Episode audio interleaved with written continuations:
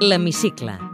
L'actualitat parlamentària a Catalunya Informació amb Ignasi Abad i el muntatge musical de Salva Pou.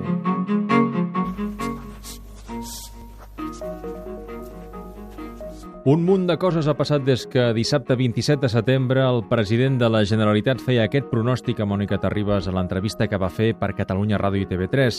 Al matí, Artur Mas havia firmat la convocatòria de la consulta del 9 de novembre. Acabo de signar el decret de convocatòria que ha de fer possible que el proper 9 de novembre tots els catalans i les catalanes puguem pronunciar-nos sobre el futur polític que volem pel nostre país. L'endemà, diumenge, el Consell d'Estat es reunia d'urgència a petició del govern espanyol. Dilluns al matí, Consell de Ministres extraordinari per interposar recurs contra el decret del 9-N i la llei de consultes. Cumplimos con nuestra obligación de interponer un recurso contra una decisión que atenta gravemente contra los derechos de todos los españoles. Al mateix vespre de dilluns, el Tribunal Constitucional admetia a tràmit els recursos i justificava la celeritat per la transcendència política de les qüestions plantejades. Dimarts s'anuncien al·legacions del govern i al Parlament al decret i a la llei de consultes. Com que afecta a l'interès general, el que demanarà el Parlament de Catalunya és el seu aixecament immediat. Al vespre, manifestacions arreu del país contra la suspensió.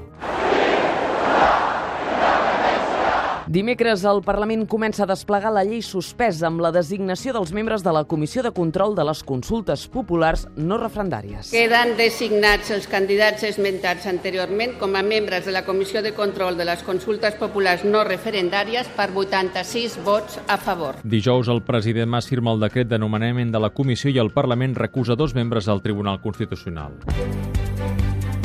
El desafiament legal i polític dels impulsors de la consulta va viure l'episodi més tens al ple dimecres. Amb el debat sobre si es podia desplegar o no la llei de consulta suspesa pel Constitucional amb la designació dels membres de la Comissió de Control. El PP i Ciutadans exigien la retirada del punt de l'ordre del dia amb el suport del PSC. Sentim Enric Millo i Albert Rivera. El Parlament està incorrint en una causa d'il·legalitat perquè està actuant amb desobediència en relació a una llei. Votaran vostès i d'altres no votarem, perquè nosaltres no serem còmplices de trepitjar la línia vermella de la democràcia i de l'estat de dret. Els serveis jurídics del Parlament havien fet un informe recomanant no desplegar una llei suspesa. Però admetent que la designació parlamentària és un acte preparatori i no té plens efectes mentre no hi hagi decret de nomenament. Això s'agafen la republicana Gemma Calvet i el convergent Jordi Turull. Agafem-nos aquestes esquerdes jurídiques que tenim encara, senyories, per mantenir la nostra determinació que el Tribunal Constitucional no ha suspès la llei de consultes. Hi ha un informe jurídic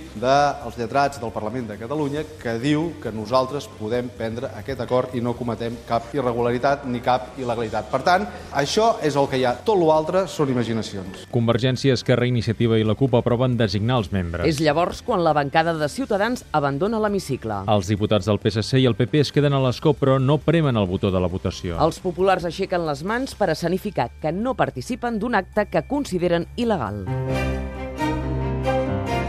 Just abans d'aquest debat, el president Mas assegurava durant la sessió de control que no fa marxa enrere en el procés malgrat haver suspès la campanya institucional després de la decisió del TC. Mas li deia a Alicia Sánchez Camacho del PP. La política real és que vostè ha suspès una campanya perquè està declarada suspesa per les estructures de la democràcia i de l'estat de dret. Senyor Artur Mas, vostè portarà la frustració col·lectiva a molta gent que s'ha cregut el seu engany permanent. Rectifiqui i accepti les ofertes de diàleg. Jo no rectificaré en la voluntat de que el poble català pugui votar i pugui decidir el seu futur. Tot plegat després d'escoltar les pressions de la CUP i Esquerra. Sentim Quim Arrufat i Marta Rovira. Si no es manté aquesta campanya institucional o no es renova, creiem que perjudica el dret a la informació i, per tant, també el dret a la participació a la consulta. Des d'Esquerra Republicana ens posem a disposició del govern per assumir les responsabilitats polítiques, administratives i, si és el cas, les inhabilitacions que calguin o que alguns pretenguin. I també posem al servei del govern multitud de funcionaris i treballadors públics que se'ns han adreçat per assumir les responsabilitats que pertoquin. Vostè creu que hi haurà cap mena de marge per poder reactivar la campanya, la consulta, si no ho fem nosaltres unilateralment? Proposta de resolució de creació d'una comissió d'investigació sobre el frau i la evasió fiscals i les Una pràctiques... setmana després de la compareixença de l'expresident Jordi Pujol per explicar els diners no declarats a l'estranger, el ple ha aprovat crear una comissió d'investigació sobre el frau fiscal en el context del seu cas, A petició de totes les esquerres menys del PSC, però que va obtenir el suport de tots els grups. incloent-hi Convergència i Unió. Mercè Jou. Vinga, endavant. Ara, des de Convergència i Unió, també els hi volem demanar que convidem també a compareixer experts en la matèria perquè ens ajudin a portar endavant iniciatives legislatives que permetin que situacions, com pot ser les que s'han explicat aquí, però d'altres que tothom ha al·ludit, puguin ser evitades.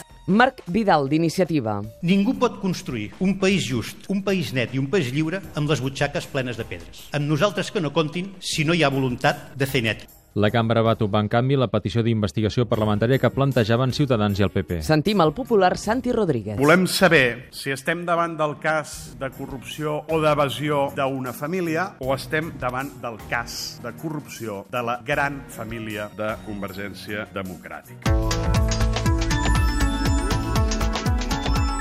La proposició de llei de drets de les persones gais, lesbianes, bisexuals i transexuals i per la erradicació de la homofòbia, la lesbofòbia i la transfòbia ha estat aprovada per 112 vots a favor i 18 en contra. Dijous també s'aprovava per una amplíssima majoria una de les lleis més esperades pel col·lectiu LGTB. El Partit Popular va votar contra tot el text. Unió Democràtica va diferenciar-se del vot de Convergència oposant-se només a tres articles clau, sancions, educació i inversió de la càrrega de la prova. Punt nuclear de la llei que obliga a qui és denunciat per homofòbia a demostrar que no discrimina. Anna Simó d'Esquerra ho defensa. Avancem amb mesures antidiscriminació que estan avalades per Europa i pel Consell de Garanties Estatutàries, com ara la inversió de la càrrega de la prova en la majoria de discriminacions. Les discriminacions majoritàries són les indirectes, les que no són evidents, les que no són clares, les més difícils de demostrar. Per això hem d'atacar-les de ple. El PP rebutja la llei. Dolors López Aguilar. No veiem la conveniència ni la necessitat d'una regulació específica, concreta e intervencionista. Mercè Jou explica la posició d'Unió. Estem d'acord amb la igualtat i amb la no discriminació i que no estiguem d'acord amb determinats aspectes d'aquesta normativa i que en defensem una d'integral només vol dir això i no vol dir una altra cosa que això. Des dels grups proposants sentim el socialista Miquel Iceta i David Companyón d'Esquerra Unida i Alternativa. Per la meva condició de gai en projecció pública he tingut ocasió al llarg de la meva vida política d'escoltar relats esfereïdors. Prova evident que massa persones en el nostre país s'han vist obligades a amagar o a dissimular la seva orientació sexual. La llibertat també és que cada persona pugui viure d'acord amb la seva orientació o identitat sexual sense sentir-se o patir discriminació, sense patir cap tipus d'odi o violència, com la que va patir la transexual Sònia, assassinada aquí al cantó, a una glorieta que avui en dia porta el seu nom dins del Parc de la Ciutadella.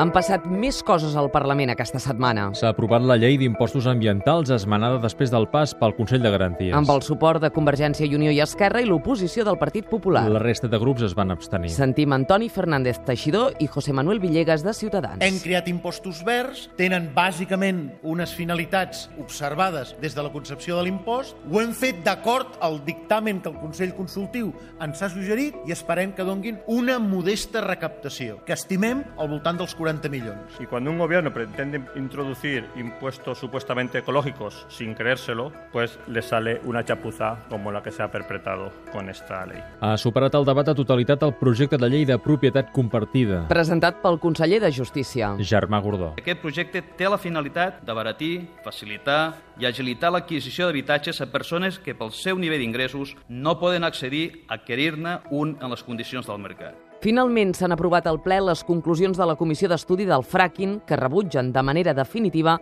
l'ús d'aquesta tècnica de fracturació hidràulica a Catalunya per extreure hidrocarburs. Té la paraula Sergi Sabrià, Esquerra Republicana de Catalunya, regidor a Palafrugell.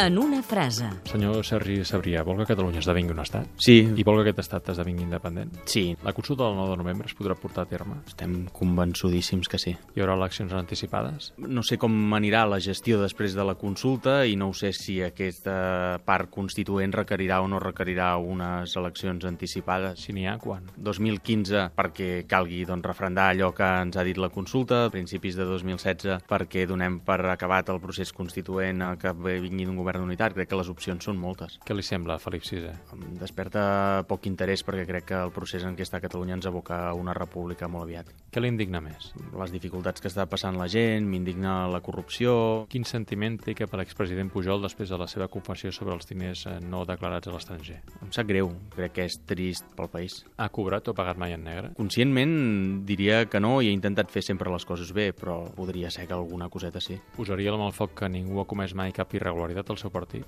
No es pot posar mai la mà al foc per ningú. Estic en un partit on hi ha molt pocs casos de corrupció, crec que continuarà sent així. Percep símptomes de recuperació econòmica? Hi ha algun símptoma de que les coses no van tan malament, però la recuperació com a tal jo crec que encara falten dies. Ha estat mai a la cua de l'atur? Sí, he estat a la cua de l'atur al 2007. De què treballava abans de fer de diputat? Secretari de l'Associació d'Empreses del Suro de Catalunya. Quins estudis té?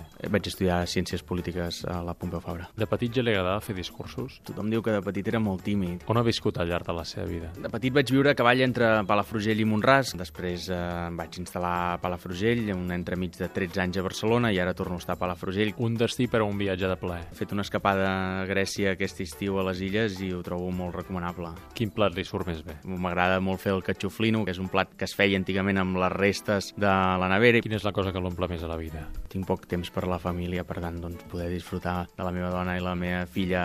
Creu en l'amor a primera vista? Sí, però no m'hi he trobat. Amb quin sex símbol compartiria una estona? Amb la Charlize Theron, ara m'ha vingut al cap. Quin diputat o diputada d'un altre grup fitxaria pel seu ideologia a banda? L'Albert Batalla, la Núria Parlon, la Marta Ribas d'Iniciativa Segur, el Rafa Luna, per exemple, del PP. Alguna mania o superstició? Bé, abans dels dies importants acostumo a posar-me sempre un parell de cançons. L'alegria d'Antònia Font i l'altra era l'Estadio Azteca. Quan acaba un ple del Parlament, com desconnecta quan torna cap a casa? Un cop obro la porta de casa i trobo la família, desconnecto. Senyor Sergi Sabrià, moltes gràcies. Gràcies a vosaltres. Podeu tornar a escoltar aquest programa i recuperar els anteriors a catradio.cat barra hemicicle.